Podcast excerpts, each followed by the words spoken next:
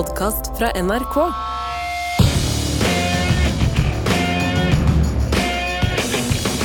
Avanti popolo, alariscossa, bandera, negra. Oi! Det var en omskriving dere ikke så komme. Og for dere som ble imponert av Jaså, Seltzer snakker italiensk, eller synger italiensk? Ja, det stemmer. Tatt brevkurs på YouTube. Folkens, hjertelig velkommen til Trygg-Tore her på NRK. I, dag skal vi eh, innom min eh, lille favorittserie, ERF, altså som egentlig betydde ekstremt radde folk. I dag er det altså en som kanskje han er ganske rad, men også veldig rar. Altså ERF, ekstremt rare folk. Og også en ERF, en ekstremt ræva fyr på mange måter, men en sånn fyr som Altså, det er vanskelig vi skal, vi skal, snakke om et liv som inneholder så mye rare ting, og ganske mye avskyelige ting, men også en del komikk og en del veldig fascinerende ting. Eh, vi skal snakke om en italiener som heter Gabrielle De Annunzio.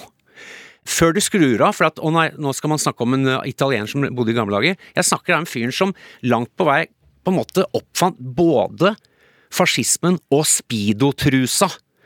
Se på det bildet her. Vi skal legge ut et bilde av han. Da ser vi altså en veldig trent fyr, men ganske liten type, i speedo. Eh, dette var en fyr som eh, han var poet, filosof, krigs, eh, skal vi si, krigspredikant, altså krigshisser, og mye annet. Ikke minst så var han veldig, veldig, veldig glad i damer.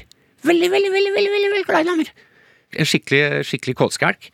Og han inspirerte veldig mye av det som uh, skulle skje i Italia, også egentlig ellers i verden. Noen sier at han, uh, han som på en måte begynte å bruke det gamle hebraiske ordet holocaust, tok fram det igjen og begynte å bruke i moderne tid. Så her er det virkelig en uh, fyr Det er veldig mye inni den speedoen hans, for å si det sånn. For å snakke om denne rare mannen, så har jeg fått eminent besøk i studio.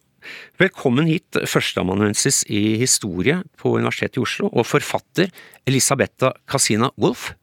Wolf, sier jeg, eller engelsk uttale. Wolf? Wolf. Wolf, ja. Velkommen Norsk uttale. Ja, ikke sant. Og du er italiener selv? Ja, det er jeg. Fra Torino. Fra Torino. Bilbyen. Bil, Fiat-by, mm -hmm. riktig. Mm. Men også antifascistisk by. Ikke sant. På det sterkeste mm. under regimet. Under Mussolini. Og uh, motstandsbevegelsesby mm. under krigen. -hmm. Så det er en by med stolte tradisjoner. Absolutt. Jeg er stolt av byen min. Elisabetta, veldig fint å ha deg her. Ved din side sitter en uh, legende for min del. Var redaktør, vel, i Gateavisa, eller var eneste ansatte i den gamle anarkistavisa Gateavisa mange år. Litteraturkritiker, forfatter og oversetter. Jon Rognlien, velkommen hit, Jon. Takk skal du ha. Altså, Elisabetta, jeg nevnte denne altså Gabrielle Danuncio. Hvordan uttaler jeg det? Gabrielle D'Annunzio. Helt ja. riktig. Ja, ikke sant. Han hadde et veldig spesielt utseende. Altså, veldig glad i å forføre damer, men ganske sånn mot alle odds, for han var kjent for å være ganske stygg. Han blir jo kalt The Pike, altså ene biografien hans, The Pike, altså gjedda. Han blir kalt for gjedda, og en av hans samtidige kalte han en, en, en fryktinngytende gnom med glødende øyne, grønne tenner og dårlig ånde. Dette er litt av en uh, Casanova. Hva slags person var han? Jo, han var lite. Da jeg personlig som, eh, som, kvinne så har jeg det vanskelig å forstå at han var så veldig populær blant kvinner, men han var faktisk det. Ja. Eh, forlot kona og tre barn eh, nokså tidlig. Eh, fordi han ville nyte livet. Mm. 1,64 høy, leste jeg. ja, kanskje det. Men altså, ikke, ikke forkleinelse for det, jeg har selv vært 1,64. Så ikke, jeg skal ikke liksom ta det. Ja, fortsett. Ja. Jeg hadde mange elskerinner, også kjente damer på den tiden. Kjente skuespillerinne. Mm. Eleonora Dose blant, eh, blant, eh, blant, annet, som var veldig kjent på, på den tiden, og veldig, veldig vakker. Han ble født i 1863. Han var jo fra en sånn falsk adelig familie. Og han var et vidunderbarn. Han kunne veldig mye, og han debuterte jo som poet da han var 16 år gammel. Mhm. og eh, liksom dyrket seg selv, da, by på seg selv. Det er jo liksom hans greie hele livet. da. Mm. Liksom, han selv er jo hans kunstverk livet, også. Ja. ikke sant? Og gjør livet sitt litt sånn i den dekadentistiske fasen. Litt sånn Oscar Wilde. Ja, ja, nettopp den samme perioden der. Baudelaire, Oscar Wilde eh, er på en måte Italias sånn dekadentist fremfor noen, da. Og han gjorde Eller hipster, som man kaller det i dag. Ja, nettopp. Hvor man gjør han- forbruket sitt til kunst Men fortsett. Ja, nei, helt riktig. Og han, ja, hans forbruk var jo helt enormt. Mm. Han brukte jo penger som en gærning ikke sant? og hadde jo masse gjeld hele tiden, men klarte likevel å, å få dette til å gå. og Han ble en kjempestjerne i Romas eh, adel eh, veldig tidlig og skrev skandalereportasjer. Han var en slags sånn Se og Hør-journalist allerede på 1880-tallet, da han var bare 19 år gammel og gifta seg med en eh, adelsdame i Roma. Og- Ambisiøs, veldig smart, veldig talentfull, uhyre Altså veldig stor kapasitet. Bare en, en liten anekdote. altså Han ga ut, om det var første eller andre diktsamlinga, hvor han sendte en at- anonymt brev til en redaktør, sa Gabrielle Danuncio da, har datt, datt av en hest og døde. Altså Han spred, satte ut rykter om at han var død, og det kom Altså, det ble Det var PR-genistrekk. Stunt. Ja, det var. PR-stunt. Han var han livet 17 som år, bare det. Han var 17 år gammel og Ja. fikk masse oppmerksomhet. Og så etterpå så, så kom liksom dementiet, da. Og nei, han var ikke død likevel, og da solgte han jo masse av dette her første diktverket, som var veldig bra, og ble hyllet av kritikken, for det var skikkelig god poesi. Eh, og han ble en stjerne innenfor det, men så plutselig så vendte han seg over til det mondene livet i Roma og ble den dekadente liksom eh, rampegutten, gjorde masse sprø stunts og, og ble kjempepopulær. Og så bare ballet det på seg, og han bare kjørte på hele livet med masse dekadente tiltak, da.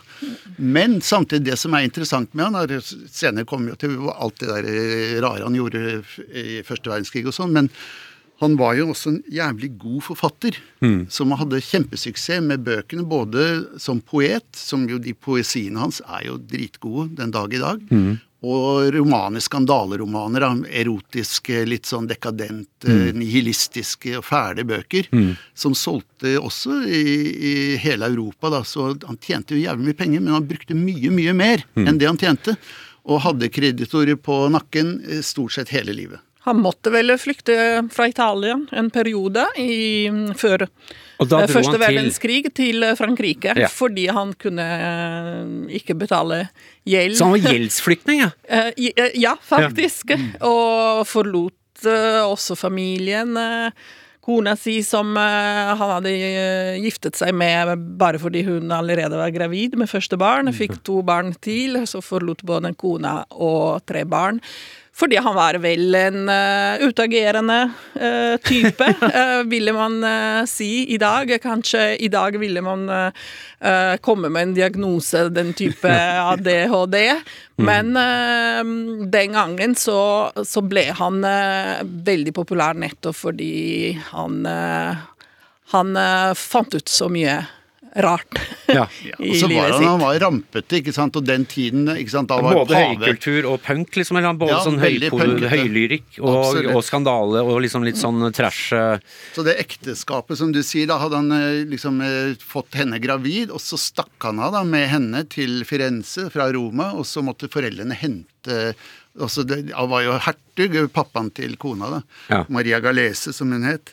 Og så ble den hentet av politiet tilbake til Roma, og da ble de gift i liksom det private kapellet til denne adelsfamilien.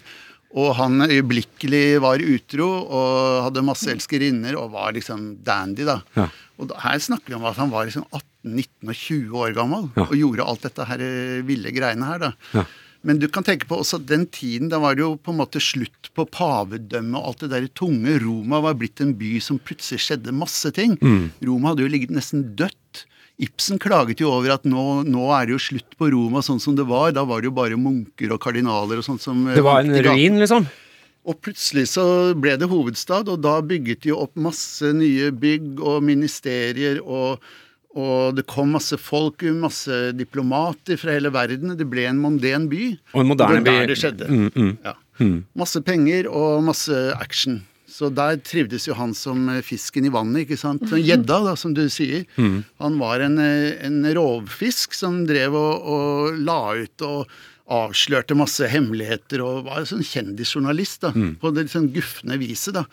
Og skrev anonymt. Folk visste ikke at det var han som hadde lekket opplysninger og litt sånn der eh, sladder fra Slottet, ikke sant. Som, Som jo er blitt en sjanger, da. Så han var der. Forut sin tid. Ja, og da var den tiden var den riktige tiden. Det var da det begynte å skje. Det, det var liksom, Italia åpnet seg til en helt ny eh, europeisk kultur, ikke sant, som var eh, diger. da. Du, Italia har jo båret på veldig mye historie. Renessansen, romertiden, alt det der litt, tunge. Men plutselig så var det nå Nei, nå begynner vi på nytt. Nå skal det bli eh, en moderne Og fra framoverskuende. ja, ikke sant. Det skulle liksom modernisere seg. Det kom masse industri, ikke sant. Så kom det fly, det kom tog. Det, kom, det, det ble masse fart og spenning. Futurismen kommer, ikke sant. Og liksom det ble en sånn jubelstemning, da. Og der var han eh, helt klart liksom Passa han veldig godt inn i dette her, da. Ja, futuri, futurismen, som du kaller det, du fra bilbyen altså, Dette var liksom bildesign og sånn som kom etter hvert som bilene kom. altså Det er veldig sånn derre Det er nesten rom, romfart. altså sånn Veldig sånn eh, science fiction, nesten. Altså, ja, Gabriele D'Annunzio er i hvert fall uh, veldig glad og opptatt av modernisme, altså modernitet, på alle mulige måter. Og vi husker han også for, fordi han dyrker den uh, myten om Roma. Roma.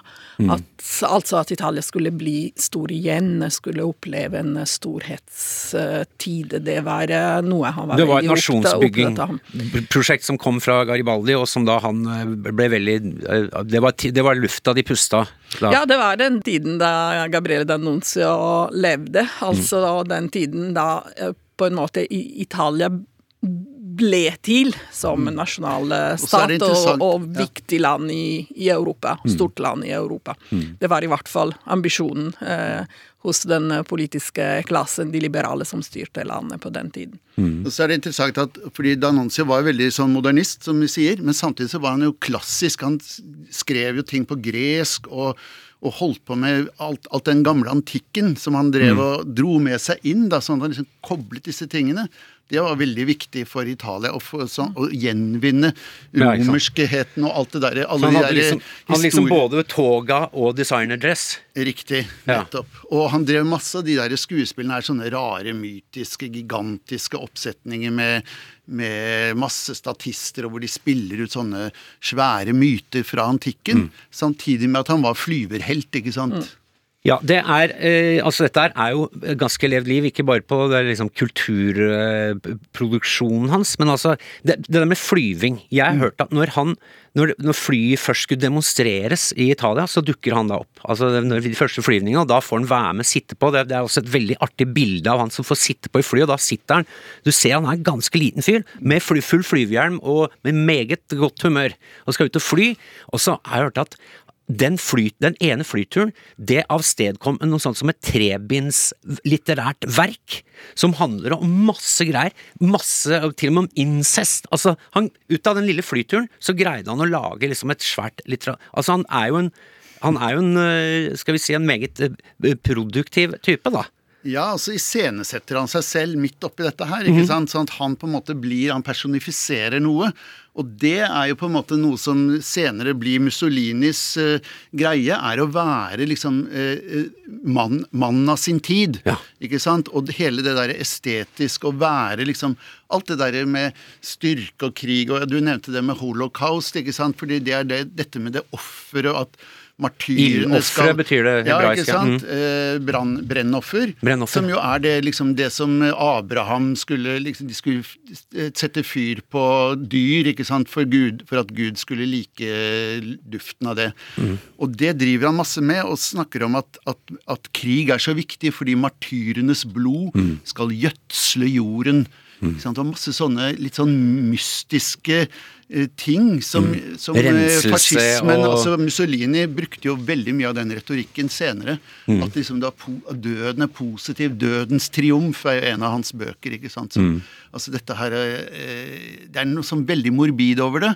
Samtidig med eh, dysterhet i det. Og samtidig veldig livsbejaende. ikke sant? Altså 'get it while you can', kan du si. ikke sant? Nå må vi ha det moro, fordi alt er bare helt vilt. ikke sant?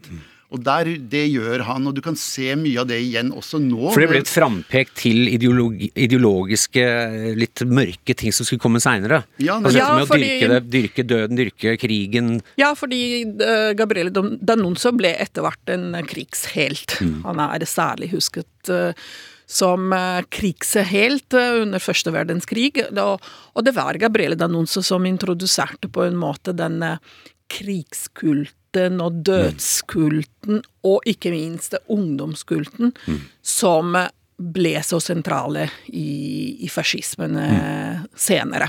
Han gjorde, han var en krigshelt. Han fløy, han eh, fløy et fly over Wien. For det ble ikke ikke, det ble ikke den siste flyturen hans. Nei, nei, han var jo Det er jo veldig rart, fordi veldig mange Altså, flyvningen var jo på en måte noe som ble veldig eh, Det er masse sånne eh, høyreradikale flyvere. Det er jo en egen ting, ikke sant. Mm, Lindberg, ikke sant, som jo var jo en eh, beinhard antisemitt og sånn. Altså, det, Mm. det er noe rart med det, med flyving og høyreorienterthet. I den dag i dag, amerikanske eh, altså US Air Force er jo kjent for å være det mest sånn, det er, det er de mest høyrevridde folka i amerikanske forsvaret. Veldig mye Ja, sånn kristenhøyrefolk og sånn. Altså, det, er, så, det er så veldig sterkt. Mm, ikke sant? Da er du, du er, jo- ikke sant? Det er overmenneske. Tenk litt Nietzsche og D'Annunzio var veldig opptatt av det å være liksom en super-womo. ikke sant? Mm. Og da når du flyr da er du jo virkelig over, over menneskene. ikke sant? Så det er en sånn oversikt og en sånn brutalitet i flyving.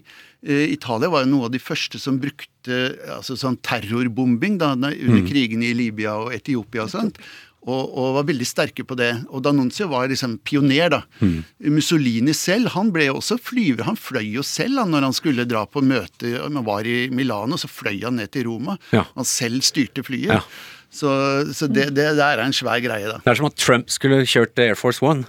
Ja, ikke sant? Sitte bak spakene, ikke sant? Ja, men Dette er jo dådenes ideologi som kommer fram her. Ikke sant? Det er det å gjøre ting. Nok babbel, nok, nok pissprat inne i parlamentet. Nå gjør vi det! Ja. Altså Det er jo den derre maskuline liksom handlingens Vi er handlingens menn. Ja, men det, vi må også ta i betraktning at Italia og Europa for så vidt opplevde første verdenskrig. Den, den store krigen.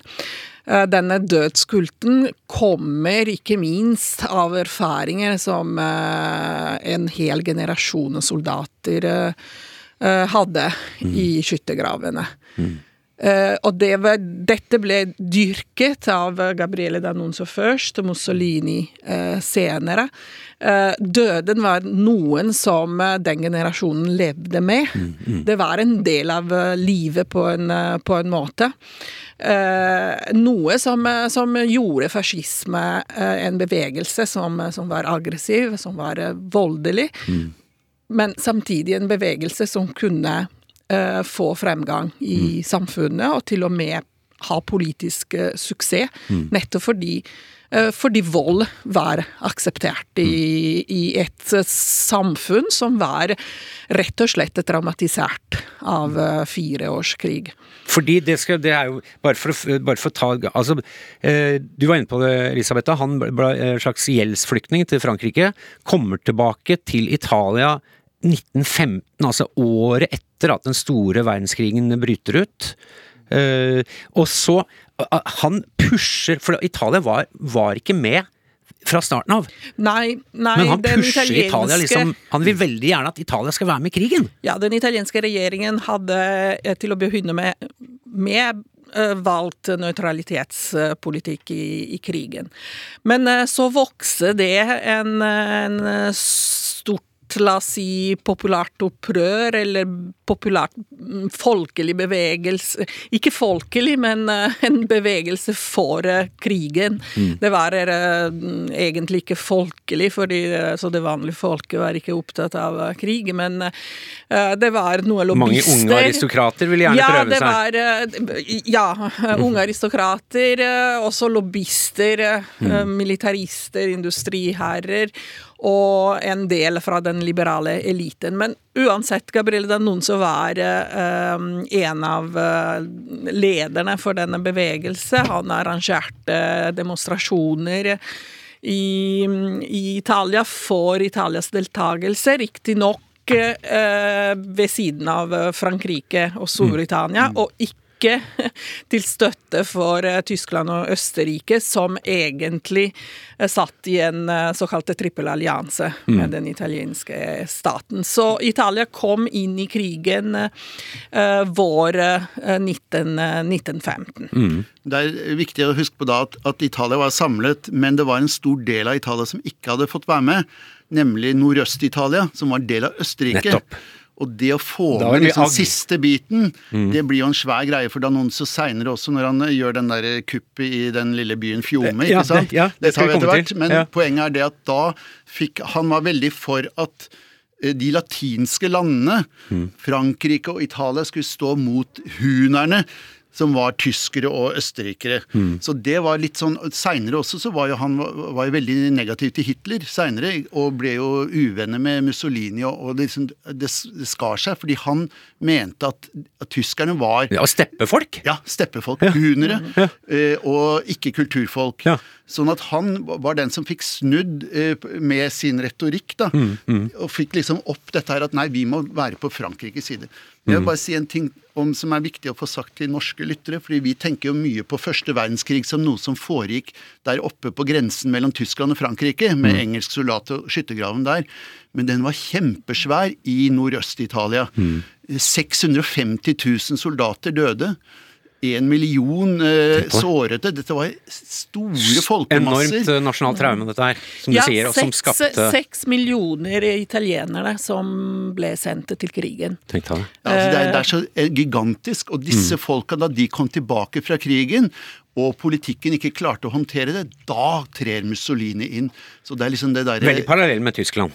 Ja, på en måte, men dette er jo lenge før. Lenge før. Sånn at det er jo på en måte modellen som jo Hitler benytter, er jo den modellen som er liksom den freden som kom som er, er eh, dårlig, da. Ja. De får ikke det de er blitt lovet. ikke sant? De er dødd mange altså millioner, og masse altså eh, skadde, invalidiserte, som gikk jo rundt på gater og torg. Fattige folk som var ødelagt da, av denne krigen, og så fikk man ikke noe særlig ut av det.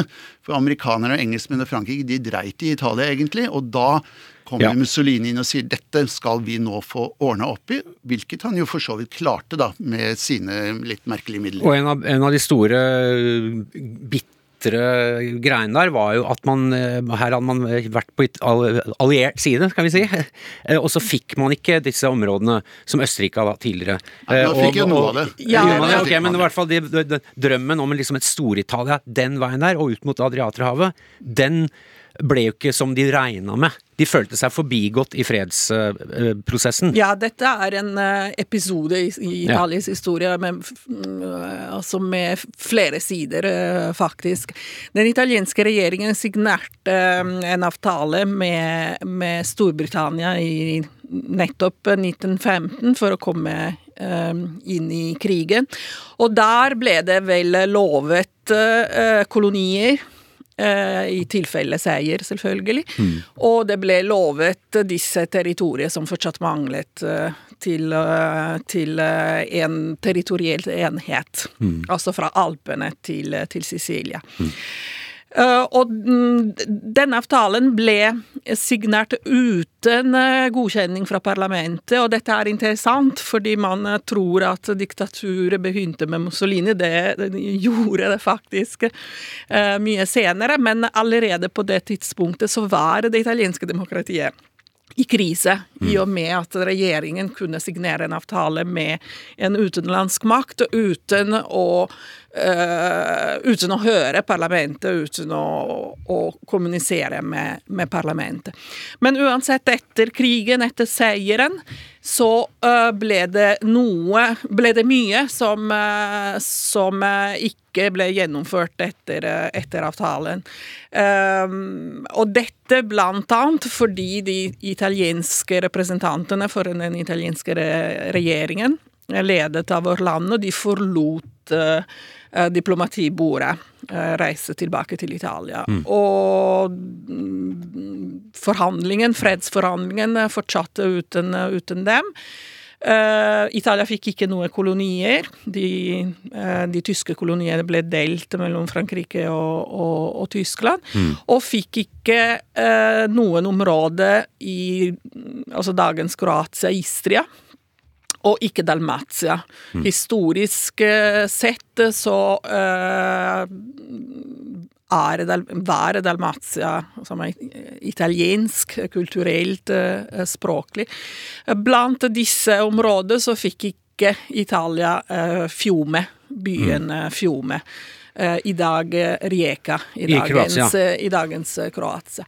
Og dette sparket i gang en stor nasjonalistisk be bevegelse, altså skuffelse for den lemlestede seier som Gabriele D'Annunzio altså brukte dette uttrykket som eh, ble også både brukt og misbrukt av Mussolini senere. Den lemlestede seier. Den lemlestede seier, Mutilato, det er altså som mutilated Ja, på sånn engelsk, ikke eh, sant. amputert. amputerte seier. Og Italia hadde vunnet eh, krigen ved siden av Frankrike og, Med enorme og Storbritannia. kostnader. Med enorme kostnader. Seks millioner soldater under krigen, Mm. og ellers store tall for både døde og sårete. Um, et land, ja, som, som var traumatisert på, mange, på mange måter. Og likevel, likevel så eh, hadde ikke den eh, liberale eliten som styrte landet på den tiden, klart å, å, å, få alt som egentlig hadde blitt lovet. Så det var et svik? før. Ja, man eh, følte seg sviktet, eh, selvfølgelig, og, og be dårlig behandlet, eh, rett og slett, av, disse, av de store maktene i Europa. Men eh, klart, Italia var ikke en stor makt på den tiden. Altså, Det var bare noen tiår etter, etter samlingen. Og det er den, det er den eh, patriotisme som blir eh, som er overdrevet, og som blir også hovedkjernen, vil jeg si, i den nasjonalistiske bevegelse først, som er ledet av Gabriele D'Annunzio, og senere den fascistiske bevegelse som blir ledet av uh, Når nasjonalisme er blitt til sjåvinisme, og så baller det på seg. Men altså, bare for å få, litt sånn eh, kronologi i dette her. Altså, Danuncio er med i krigen. Ja da, han er med, og han er jo, blir jo en flyverhelt. Mm. Han, blant annet så mister han jo synet på begge øynene. Han får jo synet igjen på det ene øyet. da. Og skriver en fantastisk bok når han er blind, som heter Noturno, altså natt, eh, nattboka. Nattboka Ja. ja. Men det er en ting som er viktig her, og også det er å huske på at etter Altså, eh, i England og Tyskland var, og Frankrike så var det veldig mange frivillige soldater. Folk meldte seg, sånn Mm. som for eksempel Celine har skrevet om liksom, begeistring. Vi drar i krigen, nå skal vi ta dem. Mm. Men det skjedde ikke i Italia, fordi at italienere er jo ikke noe interessert i å, å være med i krigen. Altså en vanlig mann. Mm. Hva er det for noe tull? Så der var det utkommanderte soldater. Eh, og alle disse millionene var, var nesten ingen frivillige. Det var veldig lite tillit til eh, generaler og sånt. De var jo gamle aristokrater og egentlig ikke noe sånn, det var ikke noe særlig begeistring for det.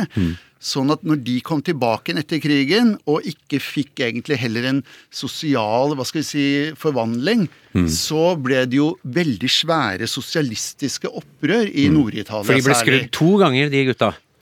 Ikke sant? De ble først tvangs... tvangs Ja, ikke sant? Og så eh, kommer de tilbake igjen, så er det liksom bare så business as usual. Ja. Mm. ikke sant? At, Og de er fattige, og de er arbeidsfolk. Og så blir det masse opprør, og da er det jo at den der fascistiske løsningen kommer inn. Mm. ikke sant? At, du, at Mussolini bruker jo den, eh, det raseriet, det folkelige raseriet, og har egentlig en veldig sånn sosialistisk og, og en sånn slags revolusjonær eh, retorikk. Mm. Men i virkeligheten så blir det jo systembevarende. Mm. Og det er en, en interessant forvandling som skjer liksom på begynnelsen av 20-tallet. hvor man egentlig ikke helt, Det var ikke helt klart. Det er en ideologisk maskerade, for det er bak Mussolini så står da disse samme industrialistene som, som landeierne, landeierne som ja. ville, som fikk eh, Italia inn i krigen, og som, som jo utnyttet eh, de store, den store grasrota av italienere. Så den retorikken som Mussolini bruker, den er skapt av Danuncio, ikke sant? Vi har jo en, eh, vi har jo en kompis live via satellitt som sitter ute i Follo. Han har fått mye kritikk for å sitte hjemme og synes synd på seg sjøl, men det er ikke helt sant. Han gjør faktisk noe konstruktivt inne på promperommet sitt, nemlig å beundre andre som har gjort ting. Ja, altså Han derre Dinasi og Nancio gjorde i hvert fall noe, da, i motsetning til alle i kommunen som nekter å skrive ut sånne Osempic-slankemiddel til meg. Altså, Jeg får faen meg lyst til å bombe noen byer sjæl. Altså, hadde jeg bare fått uh, ræva mi oppi et flysete, skulle jeg faen meg gjort det. Jon Rognlien, eh, Italia-kjenner. Eh, hva er det Trygdebeise snakker om? Bombe noen byer? Altså, hva er, hva er det han refererer til her? Nei, altså, det som, eh, det som Danuncio gjør, er jo fly til Wien, men han bomber ikke. Han kaster ut løpesedler. Hvor han sier nå må dere skjønne at dere er bare taper, lederen deres lurer dere. Italia er det egentlig eh, ekte kulturfolket, og bare, nå må dere bare gi opp krigen. Og det blir da spredd ut svære, fargerike røde hvite og grønne, ikke sant, Italias farger, løpesedler som blir kastet utover byen, og så reiser han tilbake igjen. Og, og, og den fly, det flyet, det er en av hans liksom eh, hva skal vi si, heltegjerninger. da. Legende Men han gjorde også andre ting. ikke sant? Han drev jo med eh, og gjorde sånn kupp hvor de fikk tatt og senket et uh, østerriksk slagskip. og... det, men det var, Der var det jo rett og slett han og en annen fyr i et lite fly Ja. som bomba østerrikske marinen med bomber. Og da var det også en flytur med noen løpesedler på Eller på samme flyturen så var det også kastet ut noen løpesedler Ja. som han hadde laga sjøl. Ja. Så dette her er jo en enmanns eh, altså eh, armé. Ja, han, eh, han, delte, han gjorde det. Og akkurat hvor mye østerrikerne leste den løpeseddelen, og hvor mye de ga opp krigen av den grunn, men som stunt, ikke sant, og som propagandastunt innad i Italia, var helt fantastisk. Ja. Ikke sant? Vår helt, dikteren, For en mann. han drar av gårde. Nå må folk se til å våkne opp her og bli med på dette her, ikke sant. Altså, han, han gikk i bresjen for krigsbegeistringen, og på mange, mange måter. Men det der flyverstuntet er jo på en måte det mest spektakulære, da. Ja, nå er vi, vi faktisk inn i noe veldig interessant også med krigen, altså propaganda. Eh, Vi vet, eh, vi vet at første ver- verdenskrig var eh, også en anledning til å nettopp bygge opp propagandaapparater. Altså det begynte kanskje i USA, men eh, etterfulgt eh, like etter av, av Europa. Og Gabriele Danonso var en av de første store kommunikator kommunikatorer.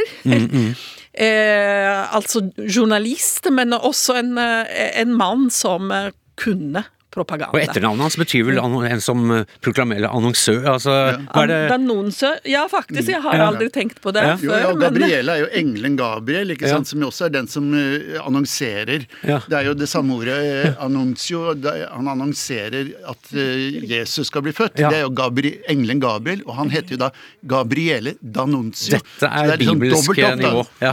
Men fortsett, Elisabeth. da. Ja. Propaganda, propaganda var eh, noe som sto helt sentralt også i den fascistiske bevegelse. Mussolini lærte veldig uh, mye av Gabriele D'Annunzio. Nå, nå må vi vel eh, snart inn i, i de Fiume-episoden, fordi Ja, si der uh, lanserte Gabriele D'Annunzio eh, veldig mange av disse propagandateknikker som senere ble, Som jo handler om å spille i bunnen handler om å spille på følelser. Det er å produsere, å kommunisere så du appellerer mest mulig til følelser, og spesielt frykt, øh, tapt, øh, Jo, også tapt kollektiv storhet, begeistring. Kollektiv kollektiv begeistring. begeistring. Det som er helt, helt utrolig, det er at D'Annunzio han holdt folkemøter, Mm. blant annet i, først i Genova, da han kom tilbake, som du nevnte i stad, og så i Roma, på selve. Kapitolhøyden. Ja. Der hadde han et folkemøte hvor han sto liksom på keisernes gamle talerstol med en folkemengde på mange tusen mennesker, uten høyttalere. Det er Mm. Før høyttalerne. Ja. Han står og snakker. Han snakket lavt. Det var helt tyst. Og så um, kunne de egentlig høre det. De kunne høre enkelte ord, men selve karismaen hans skapte en sånn folkelig begeistring. Ordene var ikke så viktige, da. Nei, men det var Jo, men altså, så var det, fantes jo talene og, og ble trykket og sånne ting. Men liksom det der å være der, å være Feelingen. den personen ikke sant, som får til det der, det er jo det som Putin og Trump og liksom på en måte har blitt en Eller Hitler, ikke minst. Da, da fikk de jo høyttalere. Mussolini hadde jo høyttalere. Ganske dårlige høyttalere, så det var ikke så veldig lett å få er med seg alt. Så det det å aura og følelse der, ikke og- Akkurat Hvis vi går på rockekonsert og, og hører på eh, Turbo, ikke sant, og så hvor mye hører vi egentlig av hva de synger? Men det er sånn som når, du- når Stone spilte på Sjølys i 1966, ingen som hørte noe, for det var ikke ordentlig høyttaler. Men du, du er der, og du får den følelsen. Og det klarte Danuncio, Den lille mannen, ikke sant. En enorm karisma. Og stemmen hans, det var den han forførte kvinnene med. Ikke kroppen, men stemmen. Han snakket og poetisk og velformulert og mykt, og klarte liksom å bygge opp en sånn fantastisk stemning. da. Det er ganske utrolig å tenke på nå. da. At det gikk an å snakke til tusener uten høyttalere. Åssen faen gikk det an? Men vi må også sette dette i kontekst. Han var blant de første som rett og slett snakket det til folket. Altså det, jeg vet ikke om det var så veldig viktig med hans stemme, som for så vidt ikke, så, ikke var så veldig sexy og fascinerende. Jeg har hørt et uh, opptak, eh, et eneste opptak av uh, Gabriele, mm, Gabriele D'Annunzio som snakker med noen folk, og han var slett ikke sexy da han snakket. Men han var villig til å snakke til, snakke til folket. Og dette var nytt. Helt nytt. Altså, det er politikere. Og uansett, eh, de som hadde ambisjoner i politikken, de snakket de snakket ikke til folket. altså Politikken var noe for en elite som var helt fjern fra, eh, fra bondemassene og, og, og bymassene. Gabriele D'Annunzio går ut nettopp eh, først i, i Piazza i, i Roma, og så går ut i en balkong i Fiume, og er villig til å snakke direkte med massene. Dette er uh, noe både stort og, og, og nytt, som blir uh, brukt senere også av av fascisme. Altså det er dette som Mussolini lærer av Gabriele Gabriele Mm. altså at politikken skal involvere hele folket, skal mobilisere, skal engasjere hele folket. Altså folket skal være med i et stort prosjekt. De skal ikke være passive uh, for politiske prosjekter. Altså, den liberale eliten hadde hatt store politiske eh, prosjekter, og, og for så vidt gode, eh, positive for, eh, for landet. Altså bygge landet, samle hele Italia, eh, nasjonalisere, få nasjonalisere dette, denne befolkningen som var delt eh, tidligere i ulike eh, stater, men eh, denne liberale eliten hadde ikke klart å engasjere eh, det, den vanlige mannen. Det eh, klarte Gabriele D'Annunzio først. For men noen har sagt det 20. århundre var den lille mannens, eller lille mannens århundre. Det var liksom da de store eh, demokratiene kom til, og så ble det på en måte baksiden av det ble jo at folk ble mobilisert i retninger som da ikke var spesielt demokratiske. Eh, og så han var jo foregangsmann der. Eh, så Elisabeth, et, et, et navn som har blitt nevnt nå flere ganger, som jeg har prøvd å holde igjen for, for dette her er virkelig the juicy shit, det er Fiume. Det er da denne byen eh, i Kroatia som i dag heter Eller som i dag er i Kroatia, som heter Rijeka. Rijeka. Hva er det Hvorfor forbinder man navnet Gabriele Danoncio til denne, til denne byen? Fordi D'Annunzio han okkuperte Fiume er, eh, i september 1919. eh, fulgt av de såkalte legionærer. Også en, rett og slett en eh, privat, eh, nesten Han lager en privat og- og bystat? Sin irregulær egen bystat? Eh, ja, han uh, okkuperte Fiume i protest mot den, eh, den italienske regjeringen som ikke hadde klart å, å innlemme Fiume uh, innenfor eh, grensene. Uh, han uh, tok makten eh, der, ble eh, regent for, eh, for eh, byen med, med, sine, med sine soldater, og, og klarte faktisk å styre eh, denne byen i 15 måneder. Eh, før eh, den italienske regjeringen endelig, eh, med. Giovanni Giolitti, bestemte seg for å for å mm, angripe byen, bombardere byen og ta, eh, og, og, og ta byen igjen, som eh, i Rapallo-avtalen ble erklært fri by. Eh, dette er eh, 1920. Men eh, altså, i 15 måneder så satt eh, Gabriele D'Annunzio i Fiume og ga livet til eh, en slags politisk, økonomisk og sosialt eksperiment eh, der. Eh, han eh, skrev også, redigerte en grunnlov, Karner og grunnlov, som var uh, nokså progressiv, nokså moderne for den tiden. Den ble aldri implementert, Nei. nettopp fordi det var altfor progressiv og altfor moderne. Og, og jeg kalte det politisk eksperiment, fordi eh, i disse måneder så ser vi møtet mellom eh, to svært forskjellige ideologier, politiske ideologier. På den, an- på den ene siden eh, revolusjonær syndikalisme, Altså- eh, altså en venstreorientert bevegelse som vil gi makt til eh, eh, syndika Fag- syndikater, fag, fagbevegelse. fagbevegelse. Eh, på den andre siden eh, nasjonalisme. Mm. Nasjonalisme som er høyreorientert. I Fjome opererte faktisk både revolusjonære syndikalister, som eksempel Alceste de Ambris, som skrev Karnar og Grunnloven sammen med Gabriele Danunzio. Mm.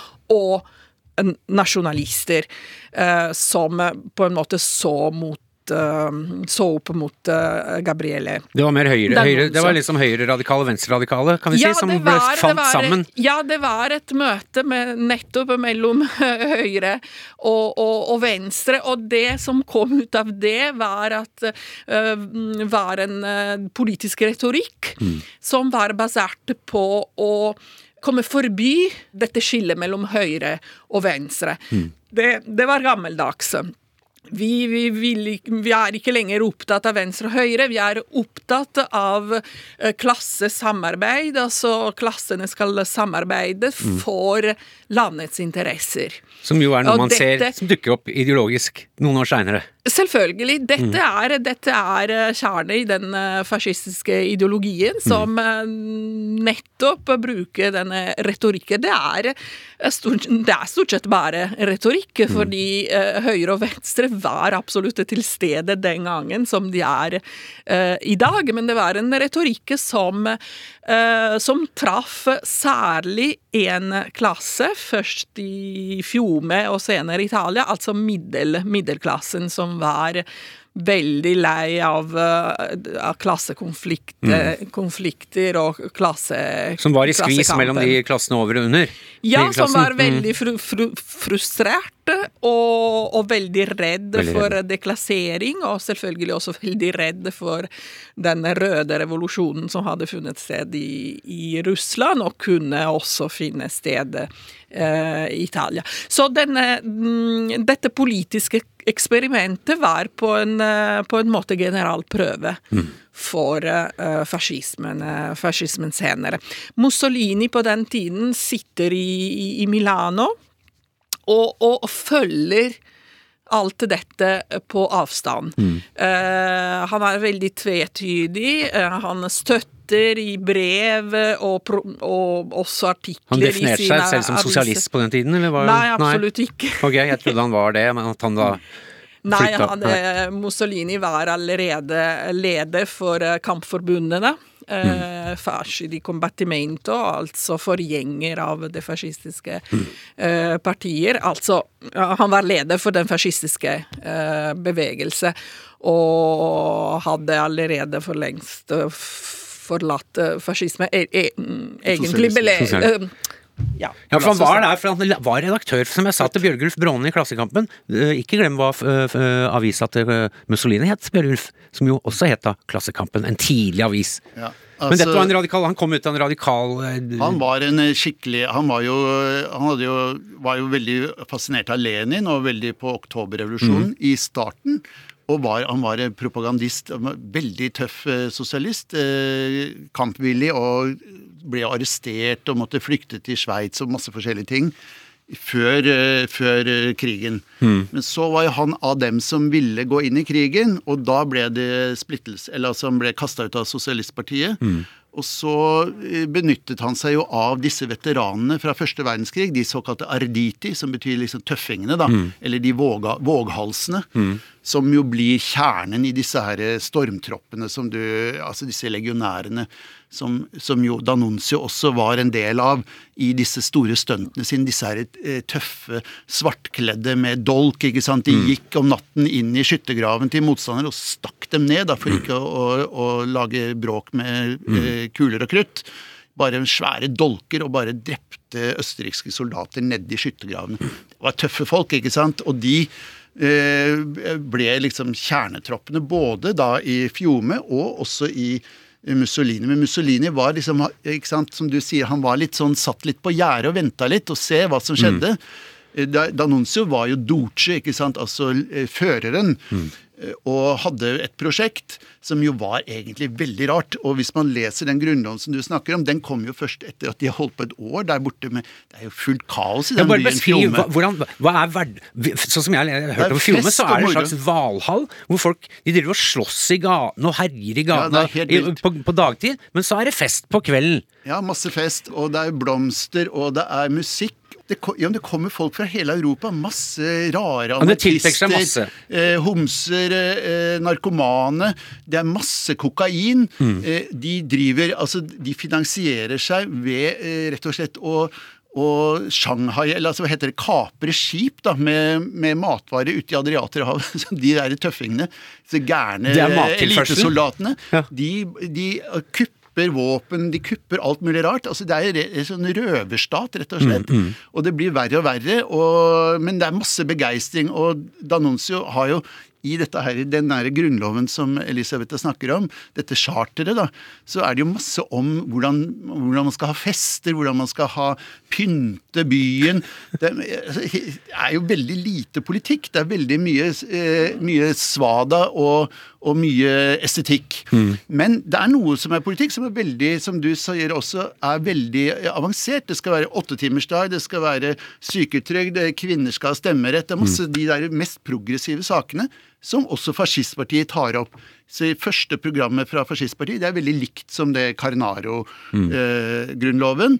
Og, og, og det er vekker masse begeistring hos radikale folk rundt i hele Europa. Jeg vet at Europa. uh, D'Annunzio fikk uh, gratulasjonstelegram fra Lenin i forbindelse med Fiume, sa at dette, er dette er bra jobba. Ja, ja. Så det var liksom det folk Han kunne fått Lenin-prisen til og kunne, med. Han kunne fått Ja, den henger såpass høyt at den, den Hvis han hadde gjort om det der verket om flyveturen sin, hadde han gjort om det til sekspinnsverk. Så Ja, han kanskje nettopp. vært verdig. alt det der, ja. Men uh, Fiume ble bare en slags parodi, og det likte jo ingen egentlig av de skikkelig altså voksne mennesker. De likte De ikke De voksne syntes ikke Fiume var så kult. Nei, men Nei, det det var, var- anarkistisk, ikke sant? Det var veldig altså. Fristaden Kristiania, på en måte. Eh, Mm. Og til slutt så griper da det italienske militæret inn og bare bomber det hele prosjektet. Ja, først eh, ble det innført blokade. Ja.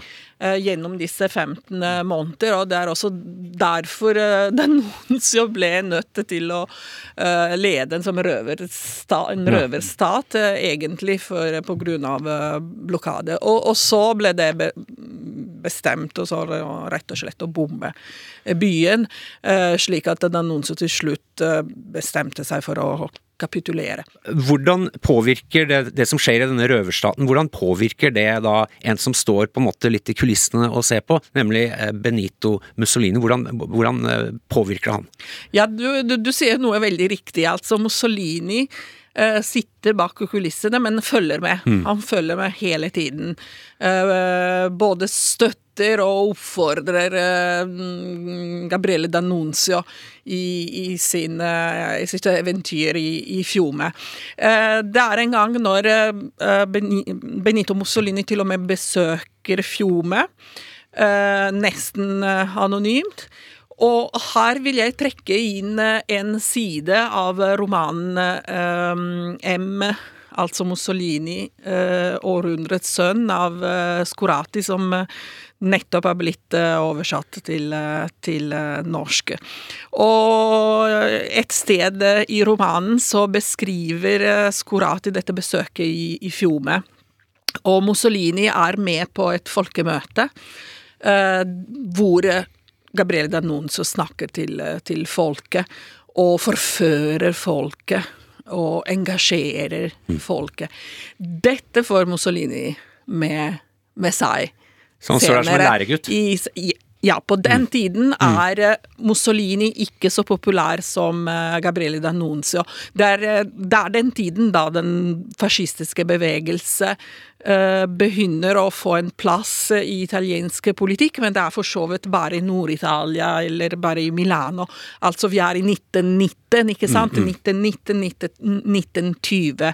Den fascistiske bevegelse eh, vokser, men eh, ikke så fort, og, og har store konkurrenter eh, fortsatt på, på, venstre, på venstre siden. Det er fortsatt, eh, fortsatt mar marginal, Mm. og Mussolini er ikke så kjent som Gabriele D'Annunzio. Det er Gabriele D'Annunzio som, som blir oppfattet som ledere for den patriotiske, nasjonalistiske Mm. bevegelsen i Italia, og det er veldig mange som ser opp mot Gabriele D'Annunzio som en potensiell leder i italiensk politikk. Mm. Ja, bruker fører. ordet duce, Ja, som er han- det samme som der fyrer'. ikke sant. Mm. Han er føreren.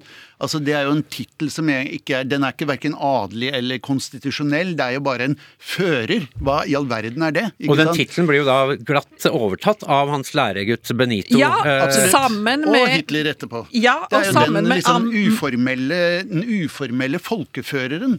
Mm. Det er Danonsios oppfinnelse. Ja, og det er ikke bare denne tittelen som blir uh, oppfunnet av Gabriele Danoncio, og, og senere overtatt av Mussolini. Mussolini, altså slagord, menefrego. Mm. Menefrego, jeg, blir, jeg gir faen. eh, for eksempel, eh, altså sangen Giovinezza, ungdommen, eh, blir også en eh, sang veldig populær under regimet, og ble sunget av legionærene eller arditiene eh, i Fjome.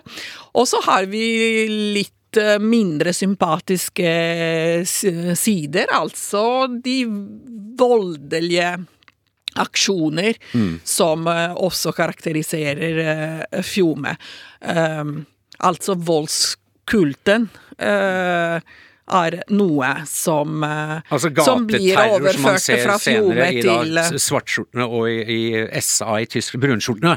Det kommer liksom det, det også får en slags opprinnelse i Ja, Fjome. bruk, bruk av unifo, eh, uniformen, ikke Mm. minst, eh, begynner i eh, i Fjome. Altså eh, Fjome-bevegelse er en paramilitær Mm. bevegelse, og Mussolini kopierer rett og slett veldig veldig mye. Men uh, Mussolini på den tiden må være veldig forsiktig nettopp fordi uh, populariteten er hos eh, Gabriele D'Annunzio. Så han må være forsiktig og ikke fornærme Gabriele, Dan, eh, Gabriele D'Annunzio. Sånn, men han står, han står og venter, han står og ser på, han står og prøver å time. Altså fascisme, Jon, det er jo et mangeslunget svært begrep, men det er vel, det stammer fra, det er et italiensk, det har italiensk opprinnelse? Ja, det er, er egentlig fra romertiden. Det er, altså, farse, det betyr et knippe, og det er et, et, et, et eh, visuelt symbol som er noen kjepper, hvite bjerkekjepper, som er bundet sammen av Hva er det for noe, rødt, Elisabeth? eh, Du protesterer, da! Nei, jeg ler fordi det er så veldig mange det, uh, ord som jeg ikke klarer å lære på norsk. På norsk, ja, sånn, ja. Knippe. Et knippe. Knippe. Ja. Jeg Altså, trodde det er, du skal forklare protesterte. det? Ja, Dette, bra, bra. dette blir bra radio. Ja. Jeg skal forklare det. Altså, det er en, et knippe med hvite berkestokker, og så er det et rødt skinnbelte som binder det sammen, og så er det en bronseøks som Mhm. står oppi det knippet. Og de tre tingene, det er da straff. Altså det er eh, kjepper til å banke opp folk. Mhm. Det er eh, dette røde lærbeltet til å arrestere folk og binde dem. Mm. Og så er det øks til å, å eksekvere dem, da. Mm. Til å henrette folk. Det knippet der, det var et symbol i romertiden, og det var det disse, disse eh, livvaktene til konsulene som bar det gjennom byen, som skulle skjønne her kommer makta. Så det er, det er et symbol, som symboliserer voldsmonopolet, ja. eller symboliserer vold og makt? Det, det, det, Rå makt. Altså, hva er, hva er makt? Hva er vold? Det symbolet er på det norske politiets emblem. Står på siden. shit. Det er på den store statuen av Abraham Lincoln, hvor han sitter på denne svære stolen, denne gigantstatuen. Der er de farsene der. Mm. Så det er et symbol eh, svenske politiet bruker. Det, og overalt Frankrike Det symbolet fins. Mm. Men det som er greia, er at det er det knippet, det Det var et opprinnelig et gammelt indisk fredssymbol. Jeg fortsetter. Nei, det er ikke. Men det er dette forbundet, det er bundet. Mm. ikke sant? Det er den bindingen. Det er på en måte fascismen. ikke sant? At du er liksom Samling. bundet. Det er nasjonal samling. samling. samling. Mm. Eh, ikke sant? Dette bandet. Mm. Som, altså et band, da, på en måte. ikke sant? At du er bundet sammen. Mm. Det er på en måte den nøkkelen der. ikke sant? At folk er bundet sammen på tvers av klasseskiller. Mm. På tvers av eh, alt mulig annet enn bare å være folk. Mm. ikke sant? Det er den anonymiseringen også av massene. ikke sant? At det er hvem som helst. Den der, det er en sånn ting som man snakker mye om i Italia. sånn qualunquismo, ikke sant? At det er, det er liksom for hvem som helst. Du trenger ikke ha noe bakgrunn, trenger ikke ha noen rettigheter. Du kan være med i dette store forbundet. da. Det er det symbolet, men det forbundet er da også et voldssymbol. ikke sant? Sånn at ved å være bundet sammen, så kan man liksom utøve makt. da. Og det er det de gjør. Og det er jo kjempesmart å bruke det fra Mussolinis side. Det bruker, Danunzi bruker ikke den, eh, de farsene, så vidt jeg vet. Nei, Fascio Littorio kommer som symbol under eh, regimet med Mussolini, Mussolini. Og det er ikke tilfeldig at det er et symbol som vi finner også eh, hos eh, det norske politiet, fordi det betyr eh, først og fremst lov og orden, eh, rett og slett. Men det betyr også samhold, som eh, Jon sier.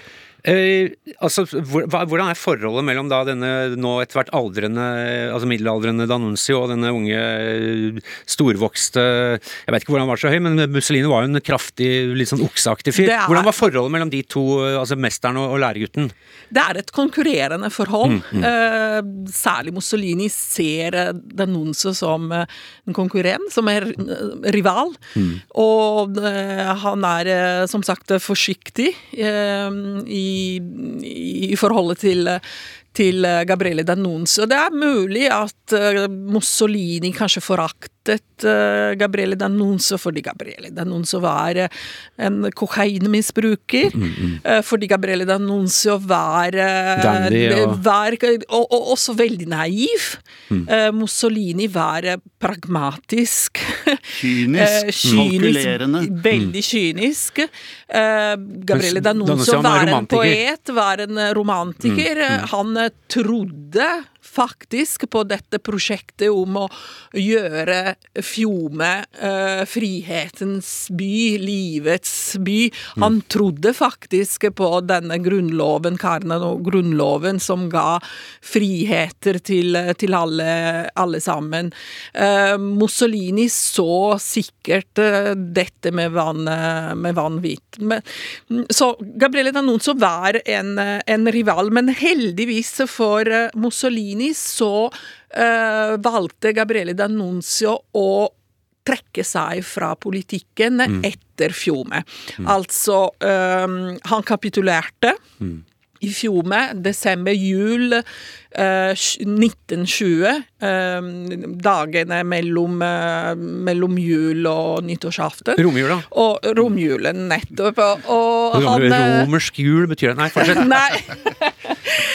og han reiste tilbake til, eh, til, til Italia og bodde resten av livet ved Gardasjøen. Og han var veldig fornærmet, veldig skuffet over, eh, over det som hadde skjedd i, i Fjome, og valgte å ikke engasjere seg lenger i, i politikken. Og dette var, dette var et stort hell for, Ja, Mussolini. for Mussolini, som uh, i 1920 var klar til å innta plassen som eh, så lenge eh, Og da setter han altså Gabriel tatt. Bruker han som en slags sånn, eller som, som en slags sånn sjuende far i huset, altså det, som en sånn der åndelig leder, men som da er på en måte pensjonert, og da han gir han et sånn, sånn der gods, eller altså der skjer jo Altså festen fortsetter jo for Danuncio sin del. Ja da, det er På- stadig på- damebesøk på den villaen. Som jo er et veldig artig sted å besøke. Det er jo helt sinnssykt. Altså det er kitsch-orama, Men jeg må bare skyte inn en ting her. For Det som jo er poenget her, det er jo at uh, Danuncio var jo ubrukelig for uh, det bestående. Mm. Ikke sant? Altså, I den kampen mellom sosialister og, og høyreorienterte og sånt, så var jo de, de store de, skal si, de, de virkelige maktene, kongen Mm. Kongen kunne jo ikke, ha, kunne ikke bruke det av noe, noe som helst. Men Mussolini kunne brukes, og Mussolini ble jo han, han, altså man, mange tror jo at Mussolini begikk et statskupp. Nei, han fikk makten av kongen. Ikke sant? Altså Kongen sa vi driter i parlamentet, vær så god Mussolini, sett i gang. Det var eliten som ga makta til Også, av denne Og D'Annunzio var jo helt ubrukelig for eliten, fordi som, eh, som Elisabeth sier, han ville jo ha full frihet og fri kokain og fri sex og, og, Mm. Og fucke med eiendomsretten, ikke minst. Ja, også, og, og ikke minst religionen. Liksom, nei, Mussolini var jo også egentlig antikatolsk, men han klarte jo å lage den store pakten med katolske kirken etter hvert. Da. Mm. Sånn at han var jo på en måte en kynisk og smart politiker. Og maktkonsoliderende Mens, eh, mens Danuncio leverte Han var jo inspiratoren. Han leverte premissene, Mm. estetikken, eh, slagordene ikke sant? Hele dette er liksom det som på en måte ble det ytre skallet til fascismen. Mm. Mens det fascismen ble etter å ha vært egentlig en progressiv Kanskje også sosialistisk inspirert eh, bevegelse, så ble jo den den store samfunnsbevareren. Det var Mm. den som klarte å stoppe kommunismen. Derfor ble det så populært f.eks. hos folk som Churchill, ikke sant? som også i alle disse landene, Frankrike og England, så sleit jo altså med Franklin Roosevelt også. Altså folk, var mange som så til Italia som det, at dette er Som fremdeles tenkte at dette er progressivt. Ja, ja, det- ikke sant? Dette er jo folkets her, her får man sosial utjevning, her får man Og det eh, er jo også sant til en viss grad, at eh, det skjedde jo veldig mange ting i Italia som var til fordel for store folkemasser. Mm. Altså bygging av svære, gode boliger, da, som, hvor det var innlagt vann og kloakk og alt sånne ting. Eh, Men det eh, som er paradokset i fascismen, er jo det derre Ja, men Mussolini fikk i hvert fall eh, trikk, eh, Togene gikk i hvert fall i rute. Ja. Mussolini er jo den klassiske klisjeen, men, Ja, men, men, eh, mens, mens, den sosiale, unnskyld, Ja. mens den sosiale utjevningen som den egentlig lover først, den blir ikke noe av. Altså, Jo, det er blir en en av av, men det blir en konsolidering blir en av, av elitens makt. Det så man i Den Tyskland også. konsolideres, men de får en god del eh, forbedringer sosialt. Skoler, allmenn eh, rett til ja, masse sånne forskjellige ting. Mm, Idrettsanlegg. Togene begynner å gå presist. Du Mm. får til vannverk, ikke sant, rent vann. Men det får de til i alle land. Mm. For det er jo ingeniørkunsten. Det er jo ikke politikken som gjør. Alle Mm. land. Under Stalin så fikk de skoler, og, og togene begynte å gå presist. Under Mao så skjedde det. Under Churchill så skjedde Altså, ikke sant. Alle land, for det er jo ingeniørkunsten, får til disse tingene. Men da får det som skjer i Italia, hvor det er bare masse rot, tull, korrupsjon, nepotisme, alt det der. Så under regimet, da, altså fascismens regime, så får folk jobbet og får til ting. Du kan gjøre ting. Altså Dyktige mennesker kan gjøre bra ting. Uavhengig av på en måte det politiske overbygningen. Det er veldig viktig å huske på at, at selv under Stalins terror så var det jo masse folk som gjorde jobba, da. ikke sant? Og som fikk til ting. og bygget Folk sto opp om morgenen. ja, og så fikk de ikke sant, eksempel at du bygget bygg som, som tålte jordskjelv, for eksempel. Hvis du ser på Italia når det kommer jordskjelv, de byggene som raser sammen, de er jo fra 60-tallet. Ikke sant? De gamle, de, altså de fascistiske bygningene, de står jo støtt. De er jo bygget av det stein, liberale ikke sant? demokratiets bygninger går i, faller i ruiner. Ja, men det er ikke det liberale demokratiet, det er jo korrupsjonen og nepotismens bygninger. ikke sant?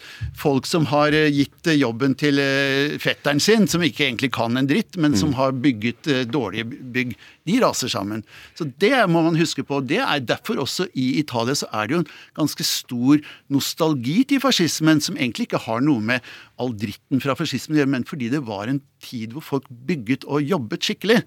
Ikke sant? Og det er jo litt viktig å huske Nostalgi, på at politikken er Er det et italiensk ord? Som vår nostalgia, vår, vårt savn, eller noe, hva, hva betyr det for noe, det ordet? Jeg, synes, jeg har vært veldig overraska over hvor altså det, det er en slags lengsel etter noe som var bra før. En fortid. er maga. Maga? Make America Great Again. Ja, ja, ikke sant. Mm, Absolutt. absolutt, Nettopp. Men, men eh, Magafølelsen, si.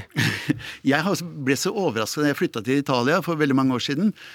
At det fantes, fordi at jeg var jo vant til Norge, ikke sant? og da var jo liksom eh, Quisling og alt det der var jo bare negativt. Men uh, mange mennesker, ordentlig skikkelige folk, liberale folk med kunnskaper og som drev Det var ikke noe gærent med dem. De hadde denne nostalgien.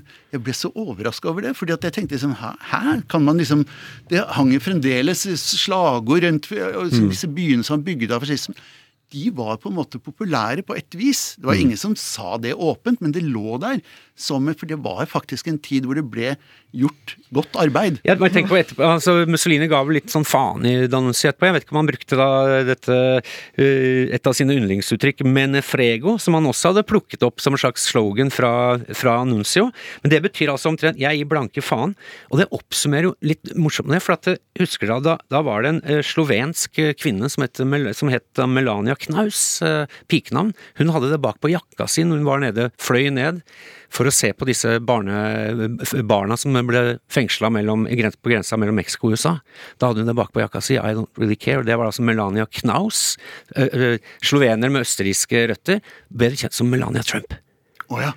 Det, når hun hadde på seg den jakka, hun hadde... når hun gikk opp på flytrappa, så sto det bakpå I don't really care, og da var det veldig mange Aha! Det er jo Mussolini fra via Altså det er Danuncio via eh, Mussolini. Ja, men det er, nettopp, det er veldig bra at du trekker linjene opp. Hun er jo fra eh, omtrent uh, altså Det er, er veldig fra... bra at du trekker opp de linjene, for det er jo masse av de tingene som ble lagt premissene til Danuncio. Dette som du snakker om, å snakke direkte til folket. Mm sånn som Trump gjør. Han, han, sier nei, men hva loven sier, hva, hva liksom etablissementet sier, det spiller ingen rolle. Jeg gir faen, ikke sant, mm. mener Frego. Mm. Og så snakker han direkte og får folk til liksom å, å, si nei, men vi gir faen i alt, ikke mm. sant.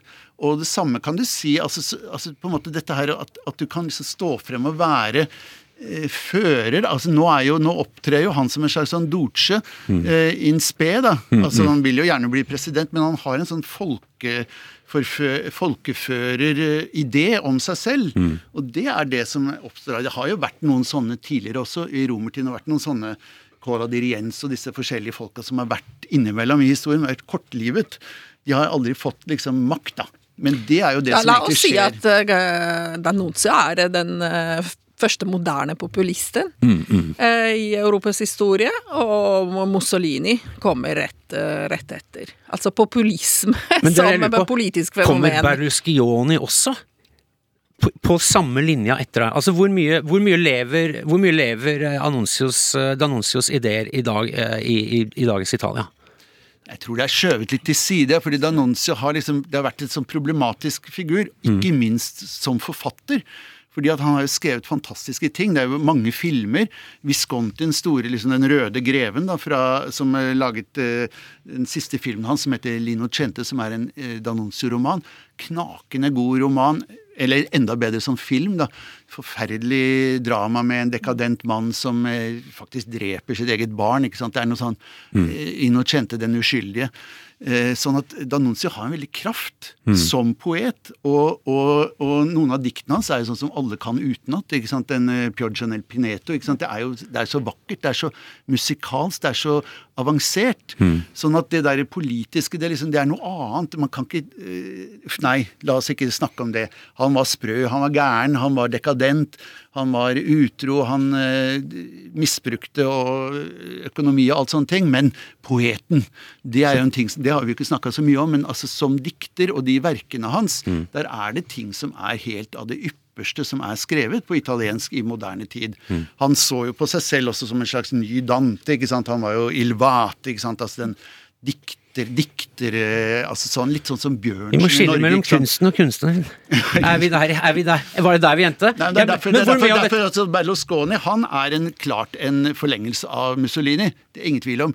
Men å knytte han til Berlusconi Nei, unnskyld, til Danuncio, det, den, den, den funker ikke helt bra, den eh, linja der. Men å knytte Trump til Berlusconi, det er jo helt klart. Mm -hmm. Det var Da Trump dukket opp, så tenkte jeg at det er jo Berlusconi nummer mm, to. Mm -hmm. ikke sant? De gjorde akkurat det samme tingene. Grab them by the pussy. Berlusconi drev jo masse med sånne grisete og var liksom mm, Og hele det der Forza Italia. ikke sant? Det er jo, Han brukte jo, altså, brukte jo slagordet 'Heia Italia', som man bruker på fotballbanen. Akkurat sånn 'Make America Great Again'. ikke sant? Du tar, lager et sånt begrep, og så bare kjører du på. Uh, og, og Berlusconi var jo tipp topp på det. Og liksom å kommunisere Han var for også ville ikke være med i debatter. Nei, han skulle ha sine egne show. ikke sant? Bare skal han veldig lite klar for sånne konfrontasjoner. jeg tror Trump har bare sittet og sett på videoer med Berlusconi og tenkt Ja, for at dette, det jo, går an. dette har jeg vært, vært veldig opptatt av som jo amerikaner. altså Jeg har hørt kulturfolk i Norge liksom, liksom Italia det er et høykulturelt land. USA er en ny, nå har det kommet en ny cowboy til makta der borte. Uff a meg. Og så kommer liksom Berlusconi. altså det er jo eh, Ja, men, men- USA er jo også et høykulturelt land. Ja, absolutt. Men eh, helt til slutt, Elis Elisabetta. Lærer italienske skolebarn om Gabrielle Danunzio? Det gjorde jeg i hvert fall. Mm. Eh, Vi leste veldig mye av Gabrielle Danunzio nettopp fordi han, eh, altså han er en stor uh, dikter, poet, uh, forfatter. Jeg elsket uh, La Pioggia del Pineto. Riktignok så var vi ikke klare over over den rollen som uh, som spilte i politikken, og vi var ikke klare over eh, innflytelse som eh, han hadde over eh, overfor eh, fascismen og, Mussolini. Mussolini. Også Karner og Grunnloven er eh, leste jeg ikke noe om eh, på skolen, men eh, hans verk Teaterspill. Jeg, jeg husker veldig godt at vi med skolen vi var med på La Figlia di Iorio. Eh, fantastisk eh, stykke. Eh, teaterstykke. Ja, Det er av også viktig å si at, D'Annunzio. at eh, fordi han var jo på en måte romantiker, dekadentist, alt det der, men han var også en som drev med sånn folkelivsskildringer. Han var en del av den eh, verismo, som det heter i Italia, i Italia som på en måte er naturalismen, da, som eh, den store Verga og de der. De, han har skrevet mange sånne eh, veldig fine sånne no- masse noveller. Man skal finne den sånn folkelige essensen av nasjonen, de tingene, ja, litt sånn tilbake til sånn- røttene. Mm. Ja, men også blikk, nei, men blikk for folkelighetens kvaliteter. Da. Mye naturskildringer. Folk som jobber ute på Altså bønder som jobber eh, som eh, tresker korn, og, og det er mye sånn Altså Som er veldig lite romantisk, altså du kan si nasjonalromantisk, men som egentlig er veldig sånn nedpå. da. Altså Det er eh, naturalisme. Og det er eh, også en sånn ting sånn som det stykket eh, Elisabeth nevner. Det er liksom, det står seg veldig bra.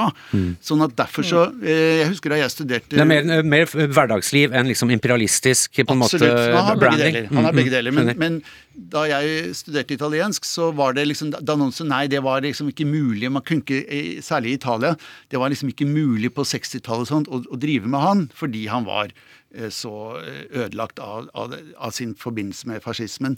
Men så seinere utover 90-tallet så begynte professorer og littera, litteraturfolk å, å, å gjenvinne D'Annunzio f- som litterat. Mm. Det er litt sånn parallell med, med Hamsun.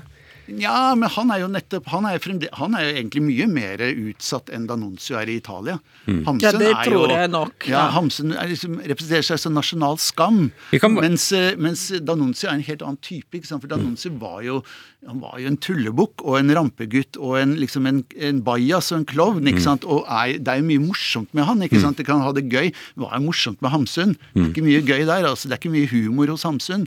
D'Annunzio er jo på en måte elegant og er liksom en, en levemann da, som det er morsomt å tenke på. Du vil, heller, du vil heller drikke øl med eller vi, vino fino med Danuncio enn med Ja, Hamsun? Han med mindre du er kvinne, da, kanskje. Kan vi ja, si han det var sånn at avholdsmann, vet du. Han brukte bare kokain. Bare Å ja, avholdsmann. Jeg, jeg er veganer, men jeg spiser biff. Eh, altså, er det Vi kan si det sånn at hans arv, altså hans arv, den kultur, altså litterære og lyriske arven hans lever videre. Kanskje også Noen har sagt at 10% av befolkningen av Asia, så vil du finne DNA-spor fra fra én mann, Djengis Khan. Kan vi si at eh, det er en ganske stor prosentandel av dagens italienere kanskje rett og slett har Danuncio som biologisk eh, oldefar eller tippoldefar? Med tanke på at han var så veldig Det håper jeg aktiv. ikke. Han var veldig aktiv i forhold til damene. Jo, Eh, men han, han, han, han altså vi, vi kan snakke om sexlivet hans, men han var kjent for egentlig ikke gjennomførte samleier. Han, drev, han var veldig glad i å snuse på kvinnenes eh, Ok, vet du hva, vi ja, bare lar det ligge der. ja. Eh, er Italia, sansenes rike, kan vi si. Uh, Jon Rognlien og Elisa, Elisabetta Casina Wolff, tusen takk for at dere kom. Og eh, de som var med å lage programmet, det er Silje Martinsen Vettre, produsent. Marco Reinertsen, researcher. Og ikke minst eh, da vår venn Trygdebeise. Folkens, vi eh, hørs til Eller arrivederci. Stay trygda. Tjalabais. Arrivederci. Podkast fra NRK. Denne historien handler om pianisten og komponisten Maria Kandegård. Om musikken hennes, om livet hennes og om hjernen hennes. Plutselig så skjedde det et eller annet. Det var akkurat som at ingenting eksisterte. Hun var det enestående musikalske talentet som bare forsvant da hun var tidlig i 20-åra. Jeg tenkte at hele verden, at det var egentlig bare en drøm. Så jeg var en person i den drømmen. Men det var ikke min drøm. Hør pianisten i appen NRK Radio.